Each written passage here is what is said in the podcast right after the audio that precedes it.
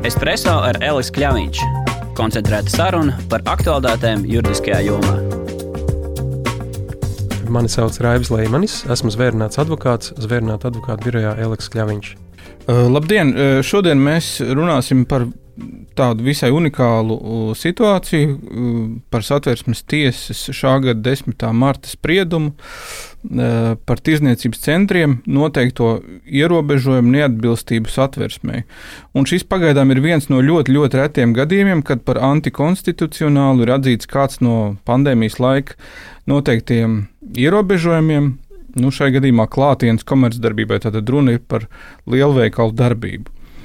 Uh, nu, un, jā, šis spriedums faktiski dod iespēju lietas ierosinātājiem arī pretendēt uz kaut kādu zaudējumu atlīdzināšanu, uz kādām kompensācijām no valsts. Tad sīkāk par to, kā tad, uh, ko nozīmē šis satversmes tiesas spriedums un kā šī lieta ir attīstījusies, mēs runāsim šodienas ierakstā ar Aivu. Paldies!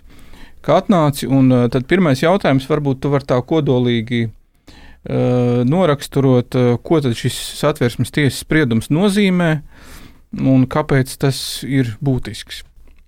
Satversmes tiesas spriedums eh, nozīmē to, ka tiesa ir atzinusi par satversmei neatbilstošus ministra kabineta noteikumus, kas paredzēja tirzniecības ierobežojumus lielajos tirzniecības centros 2021. gada aprīlī, maijā šī norma, kas noteica aizliegums, bija spēkā nepilnus divus mēnešus.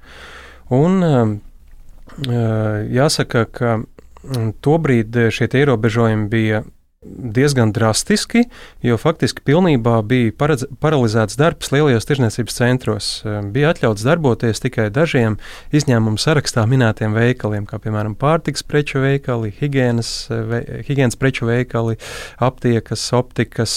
Um, Un, nu, ko, kopskaitā astoņas kategorijas, kas pēc, pēc brīža tika papildināts, cik atceros, tika pievienot arī datori, perifērās iekārtas un visbeidzot sarakstā iekļāva veikals ar atsevišķu ieeju, kas nozīmē to, ka tas bija milzīgs trieciens ekonomikai, jo Veikali nevarēja darboties, eh, nevarēja gūt ienākumus, attiecīgi mm, nevarēja maksāt algas darbiniekiem, sekt savus izdevumus, eh, protams, nevarēja samaksāt arī nomas maksas tirzniecības centriem, un līdz ar to šie telpu iznomātāji cieta zaudējumus.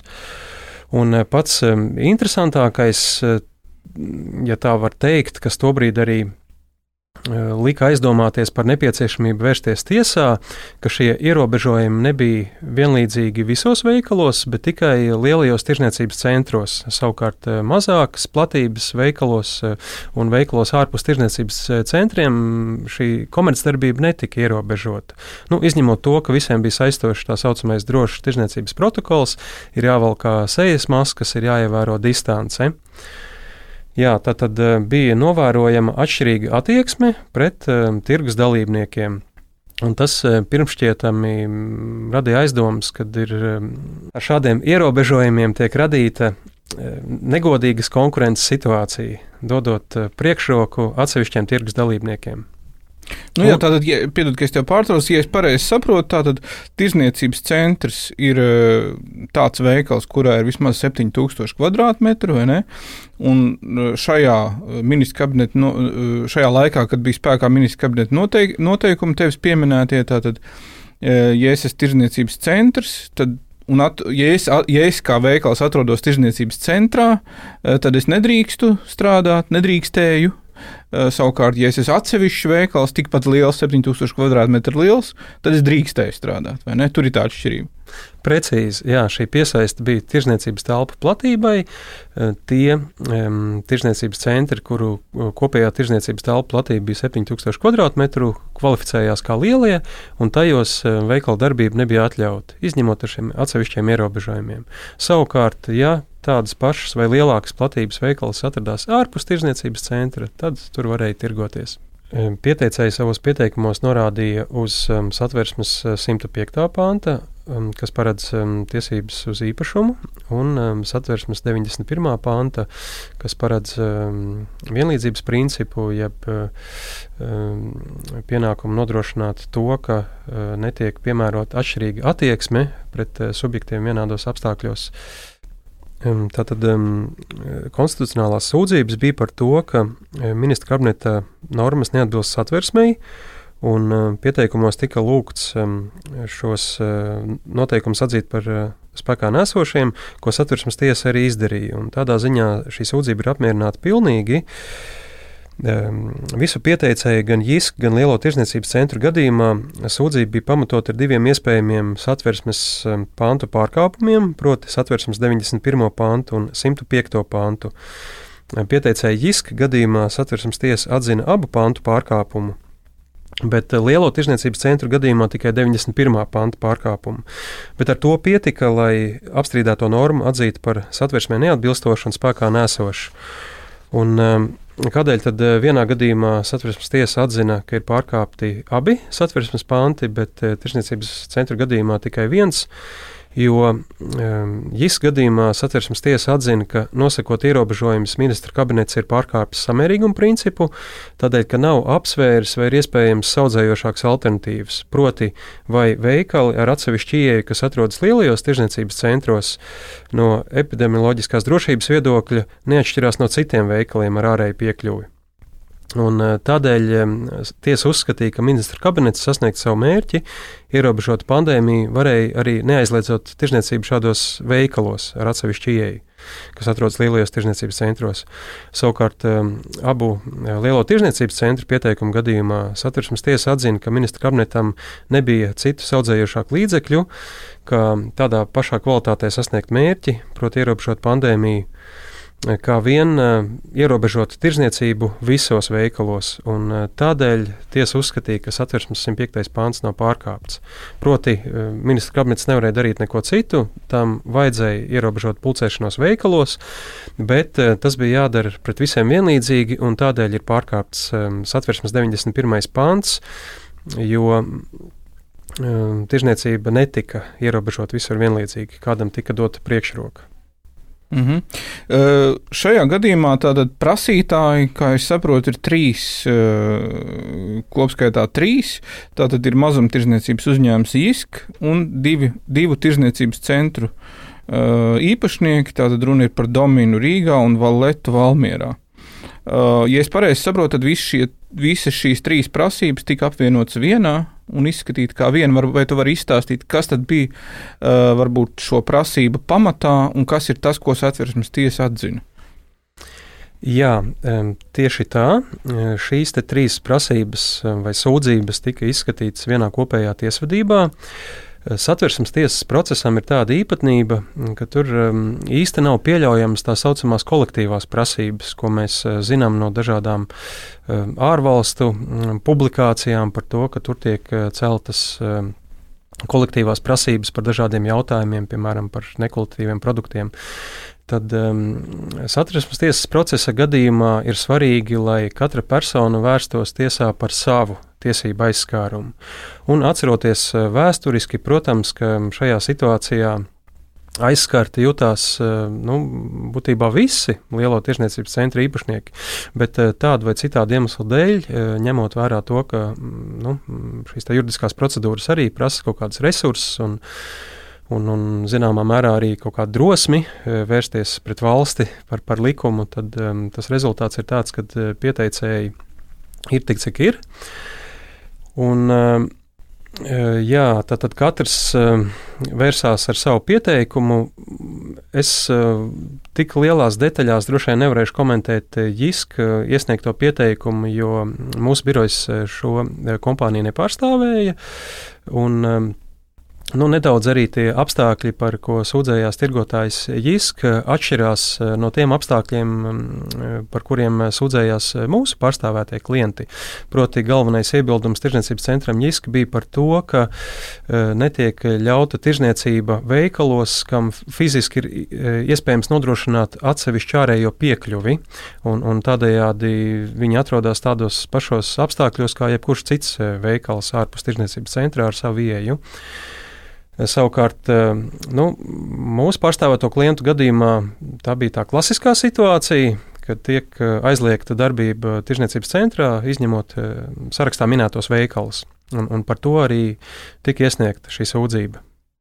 -hmm. Un kāds bija spriedums? Vai tu vari nokomentēt, ko tad galu galā satversmes tiesa atzina par satversmē neatbilstošu un ko tas nozīmē? Spriedums um, šajā gadījumā bija pieteicējiem labvēlīgs, tādēļ, ka satversmes tiesa atzina to, kas tika prasīts, proti, atzina normu par satversmē neatbilstošu. Un, eh, nu, tas arī bija tas mērķis, eh, lūgt tiesai pārbaudīt um, un eh, panākt to, ka šie ierobežojumi tiek atzīti par satversmē neatbilstošiem, attiecīgi zaudē spēku un tad secīgi ļauj veikt turpmākus soļus savu aizskarto pamatiesību aizstāvībai. Attiecīgi, ja ar šo normu ir radīts kaitējums, piemēram, mantisko zaudējumu veidā, nu, tad secīgi varētu turpināt ar kompensācijas pieteikumiem, um, lai šos uh, zaudējumus, kas bija radušies, uh, atlīdzinātu. Šie mantiskie zaudējumi tirzniecības centru īpašnieku gadījumā, kā viņi tiek aprēķināti? Kas, kā, tas, kā šis aprēķins, no kā viņš veidojās? Eh, ņemot vērā to, ka apstrīdētā norma liedz darboties veikaliem tirzniecības centros, tas eh, rezultējās veikalu nespējā eh, samaksāt nomas maksu, un attiecīgi tirzniecības centri negūtu tos nomas ieņēmumus, ko tie bija paredzējuši, ar, ar, ar ko bija rēķinājušies, nu, pirms kādam ienāca prātā, ka varētu tikt noteikti šāda veida ierobežojumi. Un, tas nozīmē, ka um, ir, ir um, samazinājušies ieņēmumi. Ja uh, veikali ir spiest pavisam pārtraukt savu saimniecisko darbību, aiziet prom, pamest uh, tirzniecības centru, bankrotēt, nu tad um, saprotams, ka arī nekādā juridiskā procedūrā uh, visdrīzāk um, šos te parādus vairs no veikaliem piedzīt nevarēs. Un, un gala rezultātā, protams, katram veikalam ir sava situācija, bet, bet to visu saliekot kopā, nu, ir kaut kāds negūtu ieņēmumu apmērs. Un, nu, pie tiem teiksim, ierobežojumiem, kas bija, uh, šīs situācijas uh, veidojās diezgan daudz, un, un līdz ar to arī šie zaudējumi ir vērā ņemami.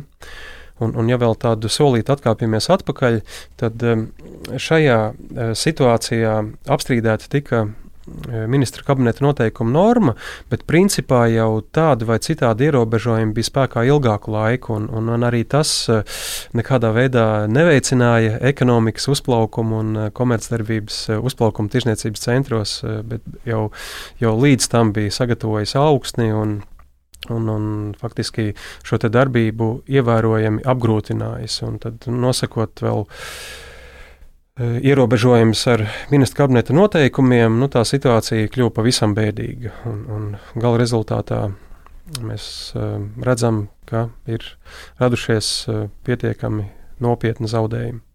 Uh, saki, vai jūs šīs lietas uh, sagatavošanas gaitā esat pētījuši pieredzi citās valstīs, teiksim, ja mēs skatāmies uz šo ierobežojumu lietderīgumu attiecībā uz tirzniecības centriem, kā tas ir bijis citur un salīdzinot pie mums?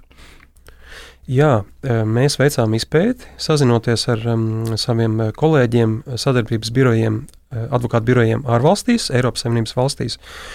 Un tas secinājums ir tāds, ka nekur netika noteikti tik dramatiski ierobežojumi kā Latvijā. Vai vismaz, ja arī ierobežojumi tika noteikti, tie attiecās uz visiem vienlīdzīgi. Un pārsvarā ierobežojumi aprobežojās ar tā saucamo drošas tirzniecības protokolu, kad ir jānēsā maskas, ir jāievēro distance. Nu, tas, kas mums darbojās vi visos veikalos. Bet papildus bija šis īpašais aizliegums lielajos tirzniecības centros. Un, un tas nu, bija specifiski tikai Latvijā. Vismaz pēc mūsu veiktās izpētes rezultātiem. Mm -hmm. Bet, eh, nu, cik es saprotu, tas viens no argumentiem šam, šiem ierobežojumiem, nu, tur droši vien bija vairāk, bija cilvēku cirkulācija, droši vien, kas gan lielos veikalos ir līdzīga, vai tas ir tirzniecības centrs vai nav tirzniecības centrs, uh, gan arī gaisa kvalitātes jautājums droši vien bija svarīgs, nosakot šos ierobežojumus. Vai jūs arī šo aspektu pētījāt kaut kādā? Jā, arī šim aspektam tika pievērsta uzmanība. Jāņem vērā, ka mm, šie ministra kabineta noteikumi tika pieņemti vairāk kā gadu pēc uh, pandēmijas uh, sākuma, tad, kad mēs uzzinājām par tādu covid-19. Un, protams, um, arī šajā laikā notika um, dažādi zinātniski pētījumi un tika meklēti cēloņi iemesli, kādēļ šis vīrus izplatās un, un ko var darīt lietas labā, lai to samazinātu. Un kā viens no būtiskākajiem secinājumiem, kas izrietēja no ārvalstu pētījumiem, tā skaitā britu zinātnieku, bija par to, ka ir ļoti svarīga gaisa kvalitāte telpās. Un, jo labāks kvalitātes gaiss, jo mazāks risks ir infekcijai izplatīties. Un, tādēļ tika veikti mērījumi, gaisa kvalitātes mērījumi tirzniecības centros, un tas, tas rezultāts bija tāds, ka tirzniecības centros, ņemot vērā, ka tās ir moderni, mo, modernas ēkas pēc uh, augstākajiem uh, tehnikas standartiem, ir, ir ļoti kvalitatīva ventilācija un gaisa apmaiņa, un šis, uh, šī gaisa kvalitāte ir pielīdzināma, nu, ja mēs skatāmies rādītājus, ja, tad, tad tas ir CO līmenis, tad um, šis CO līmenis bija robežās no 400 līdz um, 700, eh, un, un tas ir um, raksturojams kā ļoti labs kvalitātes gaiss. Eh, turpretī, eh, veicot mērījumus citās telpās, kur bija atļauta tirzniecība bez ierobežojumiem, ārpus lielajiem tirzniecības centriem, tad šī gaisa kvalitāte nereti pārsniedz pat tūkstotis vienības, un, un tas jau ir raksturojams kā slikts kvalitātes gaiss, kas attiecīgi palielina inficēšanās risku.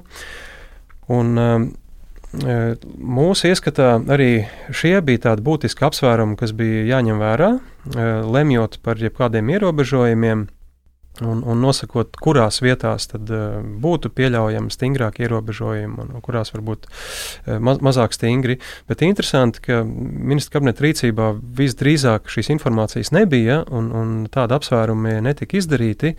Turpretī uh, mēs redzējām, ka uh, tad, kad šie ierobežojumi tika atcelti 2021. gada jūnijā, tad gan uh, Anotācijā bija pieminēts par šiem gaisa kvalitātes mērījumiem, un, un acīm redzot, arī tie bija ņemti vērā un uh, secināts, ka nu, šī, šī gaisa kvalitāte mm, tomēr uh, varētu sekmēt um, to, ka cilvēki netiek apdraudēti. Nu, Restīvi, tas ir faktors, kas būtu jāņem vērā pieņemot tādus vai citus lēmumus. Viennozīmīgi, viennozīmīgi. Ne tikai um, telpu lielums, ja, bet ir noteikti jāskatās arī citi faktori, kas tiešā veidā ietekmē iespēju in inficēties. Mm -hmm.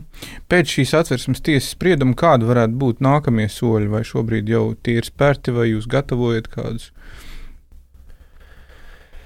Nu, pieteicēji noteikti ir ieinteresēti turpināt eh, cīnīties par savām tiesībām. Un eh, situācijā, kur ehm, šie zaudējumi tiešām faktiski bija radušies, un arī pieteikumos satversmes tiesai tika norādīts ehm, par šādu zaudējumu eksistenci un, un minēts zaudējumu eventuālais apmērs.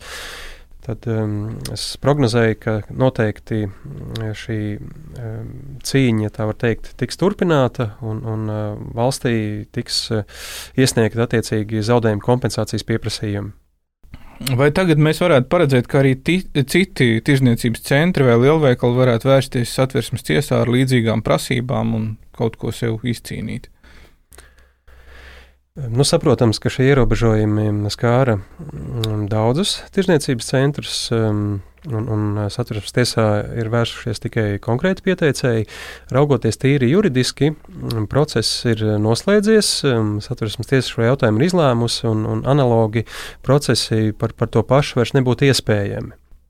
Bet, nu, saprotams, ka kaut kādā ziņā satversmes tiesa ir pateikusi, ka šie ierobežojumi uh, ir bijuši mm, pretiesiski un, un tādā veidā valstī nebūtu vajadzējis šo situāciju regulēt. Un, protams, uh, tas um, nozīmē, ka ir pieļauts um, lielo tirzniecības centru tiesību aizskārums, un nu, var loģiski sagaidīt, ka uh, sekos diskusija, kā tad šo situāciju risināt. Un es neizslēdzu, ka arī no, no citiem tirsniecības centriem ehm, varētu sekot ehm, nu, kaut kādi soļi politiskā līmenī, vai varbūt arī, arī kaut kādi juridiski soļi ar mēģinājumiem aizsargāt savas tiesības.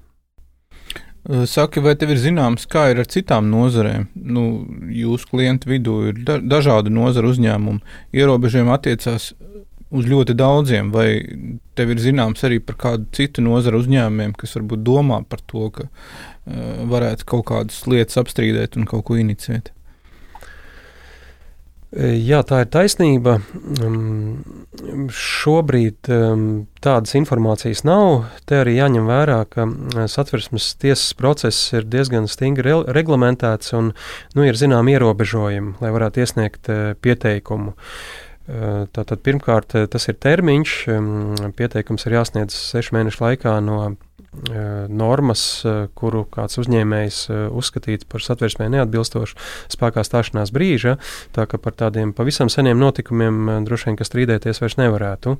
Un, un otrs ir jāspēj saskatīt un kā e, un kāpēc e, šī tiesība norma neatbilst satversmei un tajos e, noteiktajiem principiem, kā piemēram tiesības uz īpašumu vai vienlīdzības princips, kas bija pārkāpts šajā gadījumā. Tādēļ es neizslēdzu, ka var, var sekot vēl kaut kādas citas prasības, bet nu, ņemot vērā to, ka šobrīd tie ierobežojumi ir mīkstināti un vide ir kļuvusi komercdarbībai draudzīgāka, iespējams, ka tuvākajā laikā nekas tāds nesekos. Un, un eventuāli kaut kad nākotnē, atgriežoties atkal pie līdzīgiem drastiskiem ierobežojumiem, nu, tad jau uz šī precedenta bāzes citi uzņēmēji varētu būt aktīvāki un, un jau saulaicīgi skatīties eh, un eh, cīnīties par savām tiesībām, nu, un vienlaiks arī valdībai. Un eh, likumdevējam ir, ir bijis precedents, ka tomēr ir pie tiesību normām jāstrādā rūpīgi, jāņem vērā visi faktori, nevis, nevis tikai viens. Un, un līdz ar to gribās cerēt, ka ka turpmāk eh, uzlabosies arī šī likumdošanas kvalitāte. Mums par tādām lietām strīdēties vairs nevajadzēs. Espreso ar Elisu Kļāviņš. Koncentrēta saruna par aktuālitātēm juridiskajā jomā.